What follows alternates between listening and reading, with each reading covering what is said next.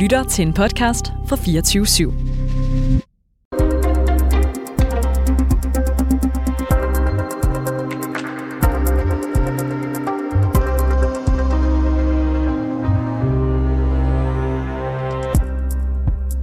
Vi har slet ikke fri abort i Danmark. Det er faktisk en skrøne, mener tidligere folketingsmedlem og ligestillingsordfører for Enhedslisten Pernille Skipper, der har skrevet et debattenlæg i politikken under overskriften I Danmark er aborten ikke for alvor fri. Vi må til at kæmpe igen. I Danmark er abortgrænsen 12 uger, og det har den faktisk været i 50 år fra, da vi satte aborten fri i 1973. Men det behøver altså ikke at være hugget i granit, for Danmark har faktisk en af de strammeste abortlovgivninger i Europa. I Sverige er den for eksempel på 18 uger, og i Storbritannien og Island ligger den på 22 uger, altså abortgrænsen. Og i marts tager etisk råd så abortlovgivningen op igen og kigger på, hvad argumenterne er for en abortgrænse på 12 uger, og for hvorfor man skal have lov til at få dispensation efter de 12 uger. For et foster er rent faktisk ret udviklet efter 12 uger, og i u 16 har det udviklet hår og negle, mens det i u 19 har udviklet hørelse.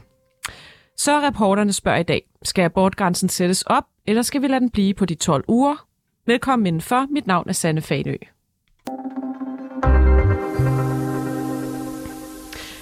Og velkommen til dig, Pernille Skipper. Jamen tak skal du have, Sanne. Tidligere ligestillingsordfører og politisk ordfører for Enhedslisten og folketingsmedlem. Øh, ja, du øh, er jo så ikke i Folketinget længere, men det klør altså lidt i dine fingre, Pernille. Fordi nu har du skrevet debattenlæg om det her.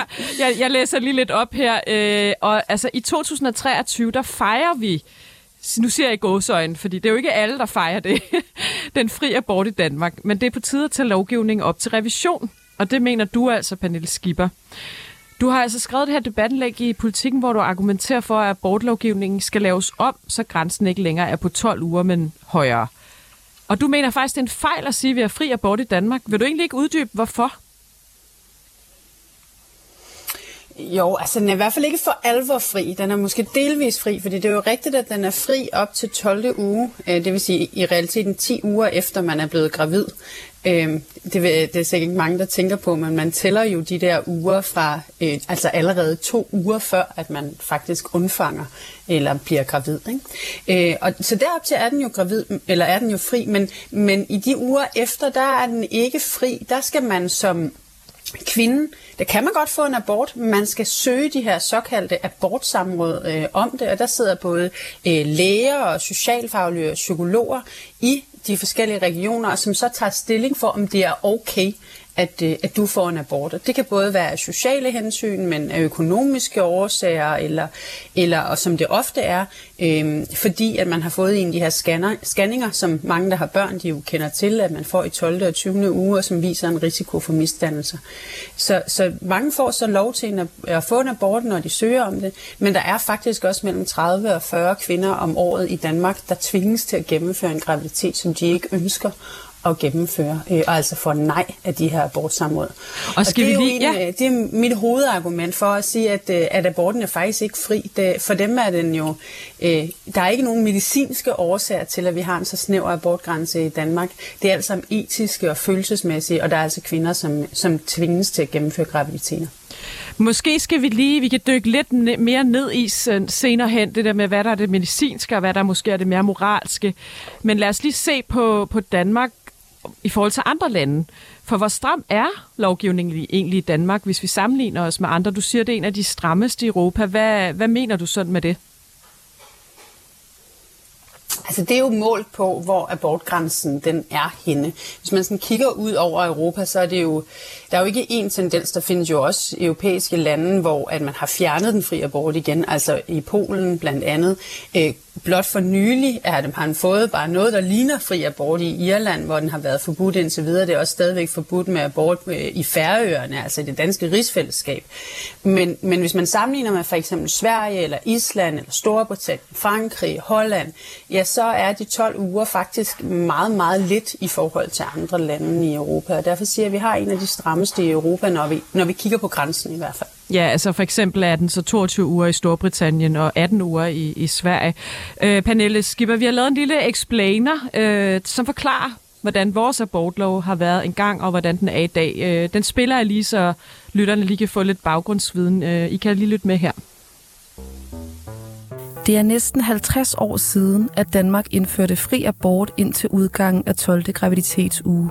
Loven er en realitet, og enhver kvinde kan herefter henvende sig og få dræbt sit barn. Den lovgivning har ikke ændret sig siden. Det gør den danske abortlovgivning anno 2022 til en af de mest konservative i hele Vesteuropa. Hvis vi ser tilbage i historien, så dikterede ældre dansk lovgivning dødsstraf til kvinder, der med vilje afbrød en graviditet eller slog deres nyfødte barn ihjel. Det var simpelthen næsten utænkeligt at gennemføre det. Og jeg cyklede op og ned af bulede veje og ud på marker. Og jeg prøvede med at sætte mig i meget, meget varme bade. Men der, jeg, der var ikke noget at gøre. Faktisk forholdt det sig sådan, at man i 1683 blev straffet med halshugning, hvis man som kvinde fik en provokeret abort. I ikke helt få tilfælde modtager vi praktiserende læger henvendelser fra kvinder, som er blevet uønsket gravide. Og øh, dem er vi desværre ikke i stand til at hjælpe. Det kan vi i hvert fald ikke gøre uden alvorlig risiko for at komme bag lås og slå. I 1866 blev dødsstraffen dog afløst til fordel for strafarbejde i op til 8 år. Så gik det hverken værre eller bedre, end jeg blev gravid. Op til vedtagelsen af den lov, som vi kender i dag, fra 1973, var der profetier om en voldsom stigning i abortantallet. Men det har vist sig, at siden indførelsen har antallet ligget stabilt på omkring 15-20.000 indgreb om året. Du kender det måske. Et samleje, sex, et knald, hvor det smutter med beskyttelsen eller kondomet springer. I de tilfælde kan en kvinde inden for kort tid tage en ganske lille pille, såkaldt nødprævention, bedre kendt som en fortrydelsespille, for at undgå at blive gravid. De sidste par årtier har antallet af aborter vist en nedadgående tendens, formodentlig som konsekvens af, at fortrydelsespiller blev tilladt på recept i Danmark i 1995. Og fra 2001 har de kunnet købes i håndkøb på apoteket. Salget af fortrydelsespiller går kun én vej i Danmark, og det er opad. Men hvis en graviditet går over de 12 uger, så skal kvinden søge om dispensation til abort hos et regionalt abortsamråd. Så længe barnet ikke ligger i vuggen, så længe er det ikke mor. Samrådet består af en læge med gynækologisk speciale, en læge med speciale i psykiatri og en medarbejder ved regionen med juridisk uddannelse. I 2021 søgte 803 kvinder om sen abort. Langt de fleste, nærmere bestemt 750, fik tilladelse, mens 53 fik afslag. Det er menneskeligt umuligt at sætte nogle fornuftige grænser for, hvornår man skal tillade abort eller ej.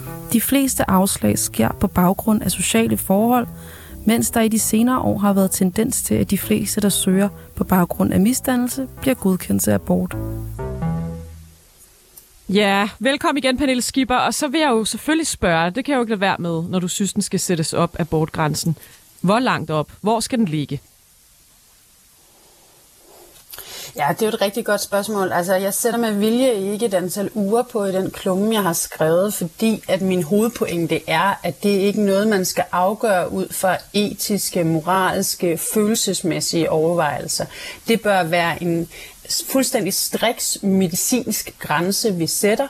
Og alle de svære, og jeg skal slet ikke altså skynde mig at sige i starten af det her, det er jo slet ikke slet ikke at forklejne det svære, der kan være i at vælge en abort, og specielt jo længere hen i en graviditet man kommer, jo sværere bliver det valg. Øh, men, men det bør være kvindens egen. Så den øvre grænse skal være medicinsk øh, begrundet, og så skal alle de, så skal aborten dertil være fri. De fleste øh, læger, øh, som jeg har hørt udtalelser om det, de vil sige 22 uger, fordi derefter så er, øh, er der mulighed for, at der faktisk kan være et, liv, et levedygtigt foster. Øh, I Sverige der har man så valgt 18 uger, og der kan man måske tale om sådan et form for forsigtighedsprincip, så det ville være deroppe, jeg ville, jeg ville ligge, hvis jeg skulle sætte så, den, så, i hvert fald nu. Øh, men, men også understrege, at jeg er meget åben over for, at det er de medicinske argumenter, der skal afgøre. Men nu siger du de medicinske, Pernille Skipper, fordi jeg kan læse mig til, det står også i mange af de der graviditetsbøger, jeg så også har læst, øh, at Ja, altså i uge 12, der er barnet ret færdigudviklet. Altså for eksempel har det i uge, og så i uge 16, der har det så fået øjenbryn og negle, og i uge 19 er hørelsen udviklet og i uge 20 kan de så sutte på tommeltot. Altså, hvordan kan du egentlig lige sige, at nu ved jeg godt, du ikke er læge, men hvor, hvorfor, hvordan kan man egentlig sige, at der er en bestemt medicinsk grænse, lad os så sige 22, hvor, hvorfor, hvorfor går den medicinske grænse lige præcis der?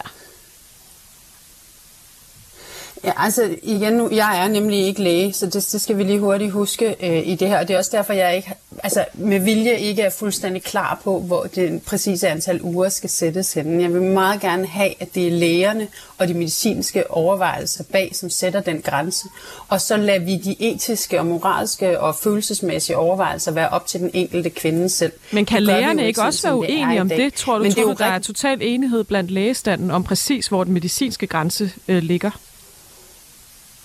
Nej, og det, det er formentlig også derfor, at man for eksempel i Sverige er endt på 18 uger, i Holland på 16 uger, så vidt jeg husker. Øhm, men alligevel dog noget længere end de 12, som vi har i Danmark. Det er jo fuldstændig rigtigt, når man begynder at tænke på, hvordan et foster udvikler sig i løbet af en graviditet, så, så, øh, så jo længere hen i en graviditet det kommer, jo mere udviklet er et foster, jo mere minder det os om, hvad et, et, et levende barn er og kan og gør og ser ud og derfor er det også emotionelt sværere.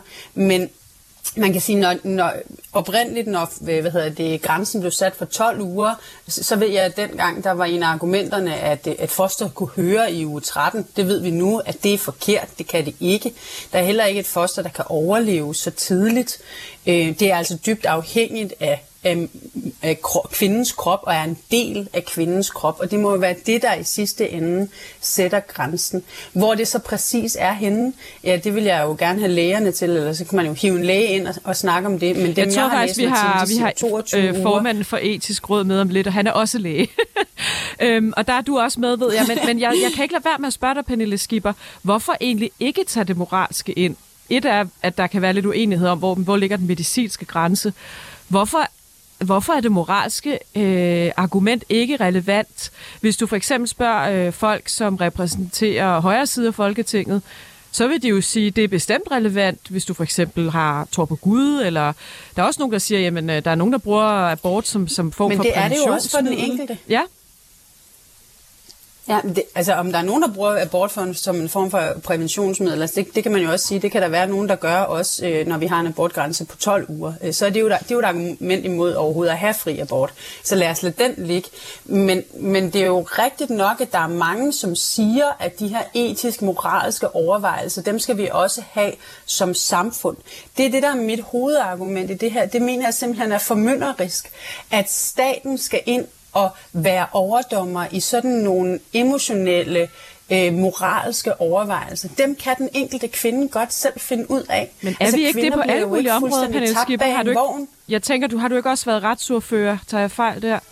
Øh, altså, jeg tænker, nej, nej, vi dømmer vel alle mulige moralske domme i vores retssystem over forbrydelser og alt det her. Det handler jo om Jamen, jeg mener, det, det, sådan kan man ikke se det, fordi det er jo noget, der går ud over andre. Her er der tale om en kvindes krop. Altså retten til abort er jo fu- helt, helt basal. Fuldstændig som retten til at bestemme, hvem vi vil gifte os med.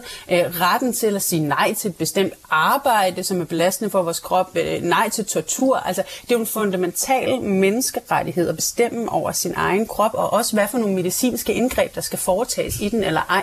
Det betyder ikke, at det altid er nemt for den enkelte at beslutte sig for, og særligt når der er tale om abort, så er der jo mange følelser med i det, som, som man kan tale frem og tilbage om, og som jeg lige skal huske helt at sige, at både de kvinder, der søger om sin abort i dag, de har mange overvejelser om. Også de kvinder måske, som får, får en abort før 12. uge, kan også have rigtig mange overvejelser. Men det er jo alt sammen individuelt. Og der mener jeg bare, at det er formynderisk, at vi har en lovgivning, som det sekund, en kvinde bliver gravid, så fratager vi hende evnen til at tænke selv, øh, chancen for at beslutte for, for over egen krop og egen fremtid selv. Det mener jeg er, det mener jeg er formynderisk, og det er forkert. Vi må have en medicinsk fastsat grænse, og så selvfølgelig rådgivning og hjælp til den enkelte kvinde. Anerkende, at det her det er svært, det er emotionelt. Der kan være mange ting på spil. For eksempel, hvis man i dag, også i dag, får at vide, at der er høj risiko for misdannelser, så skal den kvinde jo igennem en mange overvejelser, før hun overhovedet måske søger abortsamrådet. Det er Pernille Skipper, jeg bliver nødt til lige at stoppe Hvorfor det her? er der nogle andre, der skal træffe beslutningen i sidste ende?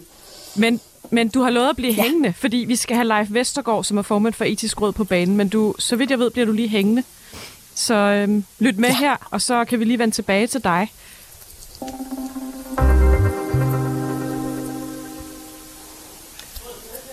Er du med, Leif Vestergaard? Ja, det er jeg. Tak for det. Du er formand for Etisk Råd, og øh, du mener faktisk også, der skal ændres på loven på det her område. Øhm, men det er, det er også i forhold til det her med dispensation. Øh, altså, at der skal sidde en socialfaglig person, som skal være med til at vurdere ansøgninger om abort efter 12. uge. Øh, hvorfor mener du det? Altså, det vi har besluttet i etisk råd, det er at kigge på den abortlovgivning, vi har i Danmark. Øh, og det har vi jo, fordi at øh, næste år er det 50 år siden, at, øh, at øh, den frie abort blev indført i Danmark. Og det har vi også, fordi at øh, der er politikere, blandt andet Pernille Schieber, der har opfordret os til at kigge på den her abortlovgivning, vi har i Danmark. Og så er det også jo fordi, at den diskuteres. Det diskuteres rigtig meget i mange forskellige sammenhæng, og derfor har vi sagt i etisk råd, måske er tiden kommet til, at vi skal kigge på det. Men vi har ikke øh, på forhånd besluttet os på for, hvad, hvad det vil sige, hvad det betyder, at vi kigger på det. Det er ikke det samme som, at der kommer til at ske ændringer. Det er ikke det samme som, at øh, der er noget, øh, øh, der er, er forkert. Men vi vil prøve at lytte til de argumenter, der er for at øh, ændre øh, abortgrænserne og abortsystemet i Danmark, men også for, hvilke argumenter der er imod at gøre det. Og, og, og som og jeg begyndte med at spørge Leif Vestergaard, fordi lad os gå lidt mere ned i det med abortgrænsen om lidt, men jeg ved også, du har en pointe i forhold til det her med øhm, dem, der sidder og beslutter det. Det, det er kun lægefaglige personer, men, men man skal faktisk også tage socialfagligt stilling til det. Det er i hvert fald noget af ja. det, du øh, mener, man skal kigge på. Ja, jeg synes jo, at øh, det er tankevækkende, at dem, der kigger på øh, de kvinder, der kommer med ønsker om en abort efter den 12. uge, at, øh, at det først og fremmest er læger, øh, som sidder der. Øh, jeg synes, at man godt kunne overveje, om der, hvis man fortsat skal have sådan et system, at man skulle supplere det med folk, der har en mere socialfaglig øh, baggrund og viden, og dermed også både kunne rådgive kvinderne, men også at kunne hjælpe med at træffe den beslutning, der skal tages. Vel at mærke, hvis man skal fastholde det beslutningssystem, vi har i dag. Det undrer mig lidt, at der den socialfaglige øh, rådgivning er så svagt repræsenteret i af vores abortstøttesystem i dag. Ja, det kan jo for eksempel være, hvis man har en, en økonomi, der gør, at det er svært at have råd til et barn øh, til, eller det kan være alle mulige forhold. Øhm, ja. Lad os også lige tale om det med grænsen, fordi det er jo det, man jo nok mest diskuterer i den her debat. Øh, når I tager hul på det her, nu siger du, du ikke vil lægge dig fast endnu, men risikerer I ja. så ikke, kan I så ikke lige så godt risikere, at grænsen bliver lavere endnu? Jamen, der vil nok være nogen, der, det kunne jeg godt forestille mig, nogen, der vil argumentere for, at man skulle øh, have en, en øh, kortere tidsfrist, altså fordi vi får nogle andre fosterdiagnostiske metoder, og fordi det alt andet lige øh, vil være noget, der vil tale for, at man dermed kunne øh, gennemføre og sætte øh, tidsfristen noget før. Men der er også noget, der taler i den anden retning. Øh, det er hensyn til kvinden, hvor jeg tror, at vi i dag vægter kvindens ret til selv at bestemme over deres egen krop som meget større, end man gjorde for 50 år siden, da man indførte øh, reglerne om den frie abort. Øh, så, så, så der er noget, der trækker den ene vej, og noget, der trækker den anden vej. Og jeg vil meget gerne høre øh, de øh, forskellige argumenter og de forskellige synspunkter, der er på det, inden at vi i etisk råd øh, træffer vores forskellige beslutninger om at, at komme med forskellige råd til øh, blandt andet Folketing, men også til den offentlighed, der skal diskutere det her. Så og Leif Vestergaard Pedersen, nu ved jeg godt, du ikke vil tage stilling endnu, men så vidt jeg ved, at du også læge. Kan du sige noget om, som, vi, som jeg talte med Pernille Skipper om før, hvor, den, hvor, hvor det ligger det egentlig rent medicinsk? Altså, hvor er det, man sætter en grænse for, for hvornår noget er ved at være et menneske, og hvornår det ikke er i foster øh, forstand? Altså, altså, jeg er ikke selv uh, læge af uddannelse. Jeg er beskæftiget med sundhedsvæsenet ah, i mange, mange år. Men, men, men det, man kan sige, det er, at sådan som, uh, som jeg har set på det indtil nu, har fået det forklaret at de folk, der har forstand på det her, det er, der siger, der findes ikke nogen objektiv lægefaglig grænse for, hvornår man kan eller ikke kan gennemføre en abort. Den abortgrænse, vi har i dag, det er sådan en pragmatisk afvejning af hensyn til på den ene side kvindens ret til at bestemme over sin egen krop, og på den anden side hensyn til fosteret, det ufødte barns værdighed. Øh, det er en, det er en afvejning, og der findes ikke nogen, tror jeg, øh, øh, videnskabelig Okay, det bliver jeg jo nødt til lige at kaste videre til dig, Pernille Skipper, fordi du argumenterer jo for, at den skal ligge medicinsk. Her hører vi så, at den, det, det findes ikke rigtigt. Ja, det, det tror jeg ikke, øh, alle læger er fuldstændig enige om, og det er også derfor, jeg ligesom prøver at starte med at sige, at det er ikke, det er ikke mig, der skal fastsætte den grænse, og jeg har ikke et specifikt ugetal. Øh, jeg er meget påvirkelig stadigvæk i den her debat når det kommer til det. Men, men der, det, jeg hører flere læger sige, blandt andet øh, læger, som har arbejdet for Rigshospitalet osv., som har arbejdet med det her område i mange, mange, mange år, det er, at de siger, at det er omkring 22 uger, at man ligesom overgår fra, at der er et foster, som er, øh, som, øh, er inde i en kvindes krop og er en del af en kvindes krop, til at det potentielt set er levedygtigt på egen hånd. Og det, det er noget af det, de bruger til at sige, det er der omkring, der kan være en medicinsk grænse. Så kan der være nogle andre medicinske overvejelser omkring det, som jeg synes, man skal have med. Blandt andet jo, at jo længere hen i graviditeten man er, jo større et indgreb er det også i kvindens krop, og derfor er der også en større risiko øh, ved, den, ved de indgreb. Men, men det synes jeg skal være en del af overvejelserne, og det er også, som jeg forstår det, noget af det, som etisk råd prøver på at inddrage. Hvad er det øh, øh, forskellige eksperter, der siger på forskellige vis i det her? Så min pointe er, ja som end bare, at de der etiske overvejelser, det bør altså være kvinden selv. Det er ikke, det er ikke os som samfund, der skal pådute den enkelte det. Men mener du det, Leif Vestergaard Pedersen? Nu er du jo formand for etisk råd og ikke for medicinsk råd. Mener mm. du også, der er et moralsk aspekt i det, som vi bliver nødt til som samfund at også have med? Jamen, det, det er jo det, vi gør i etisk råd. Det er, at vi, vi ikke kun uh, baseres alene på en, en sundhedsprofessionel uh, vurdering, men også tager hensyn til andre ting. Og det kunne for eksempel også være uh, hvad hedder det, synspunkter og argumenter fra dansk kvindesamfund.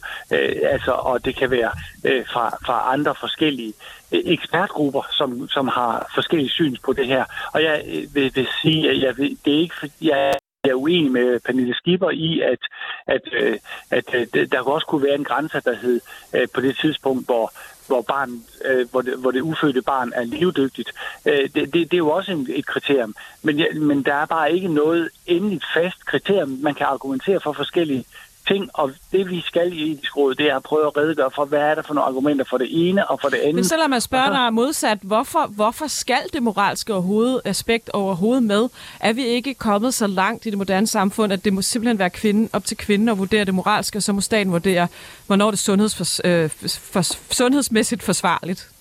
For jo, både men det, er jo også en, det, det, det kan man godt sige, det er jo også en moralsk vurdering at sige, at det er kvinden alene, og at vi ikke øh, på, i, som samfund øh, øh, tillægger foster nogen form for værdi. Det er jo også en moralsk vurdering. Altså, og, og, og det er sådan, at den her diskussion, det er ikke en, man kan bare kan sige, det findes der en, en nem og en rigtig løsning på.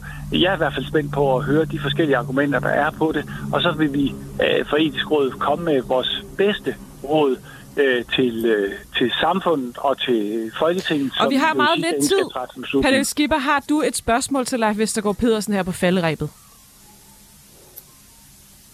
Altså, det, det tror jeg faktisk ikke, jeg har. Jeg vil bare sige, at jeg er meget enig i, at etisk råds op, opgave er at inddrage alting i det her. Og jeg er glad for, at debatten er sparket i gang, og jeg, jeg glæder mig også til at høre deres overvejelser. Ikke kun de medicinske overvejelser, som de kommer til at gøre sig. Spændende. Og jeg vil, ja. og jeg vil sige tak til Pernille Skipper for at være med til at rejse debatten. Det er ikke nogen lem opgave, du har sat etisk råd på, men vi tager imod den, og vi glæder os til at gå i gang med at diskutere det. Og til allersidst, Pernille Skipper, øh, vi, Ej, hører, tak for det. Vi, vi hører her Leif Vestergaard sige, at den kan også blive lavere. Er du ikke nervøs for, når du åbner den her debat, at du kan faktisk kan risikere med øh, en endnu lavere abortgrænse, end den vi har i dag? Det tror jeg ikke. Altså jeg oplever simpelthen, sådan set i Danmark, der har vi jo en enorm stor opbakning til kvinders selvbestemmelsesret over egen krop. Vi er rigtig mange, som er født efter den abortgrænse, vi har i dag, blev sat, og som bare er opflasket med, at sådan er den. Og nu er vi i gang med at tænke over, skulle den måske være, øh, i stedet for 12, skulle det så være 14 eller 16 eller endnu højere? Hvad gør de andre lande? Det synes jeg er en vigtig debat at tage.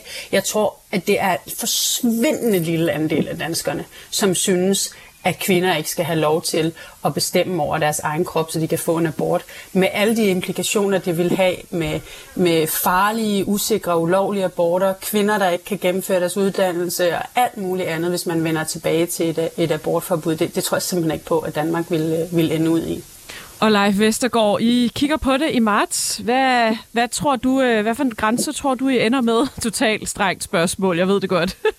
Højere det, eller lavere? Dig, at det, det har jeg ingen fornemmelse af. Øh, hvad hedder det? Vi tager diskussionen fra marts måned, og vi kommer formentlig med vores udtalelse i august måned. tak fordi I begge to vil være med. Tidligere politisk ordfører for Enhedslisten, Pernille Skipper, og formand for Etisk Råd, Leif Vestergaard Pedersen. Tak for det. Selv tak. Lige måde. Tak fordi I lyttede med i reporterne i dag. Mit navn er Sanne Fanø. Du har lyttet til reporterne på 24 /7. Hvis du kunne lide programmet, så gå ind og tryk abonner på din foretrukne podcasttjeneste, eller lyt med live mellem 15 og 16 på 24 /7. Kære lytter, du har lyttet til et program fra 24 /7. Du kan finde meget mere modig, nysgerrig og magtkritisk taleradio på 24 7 appen Hent den i App Store og Google Play.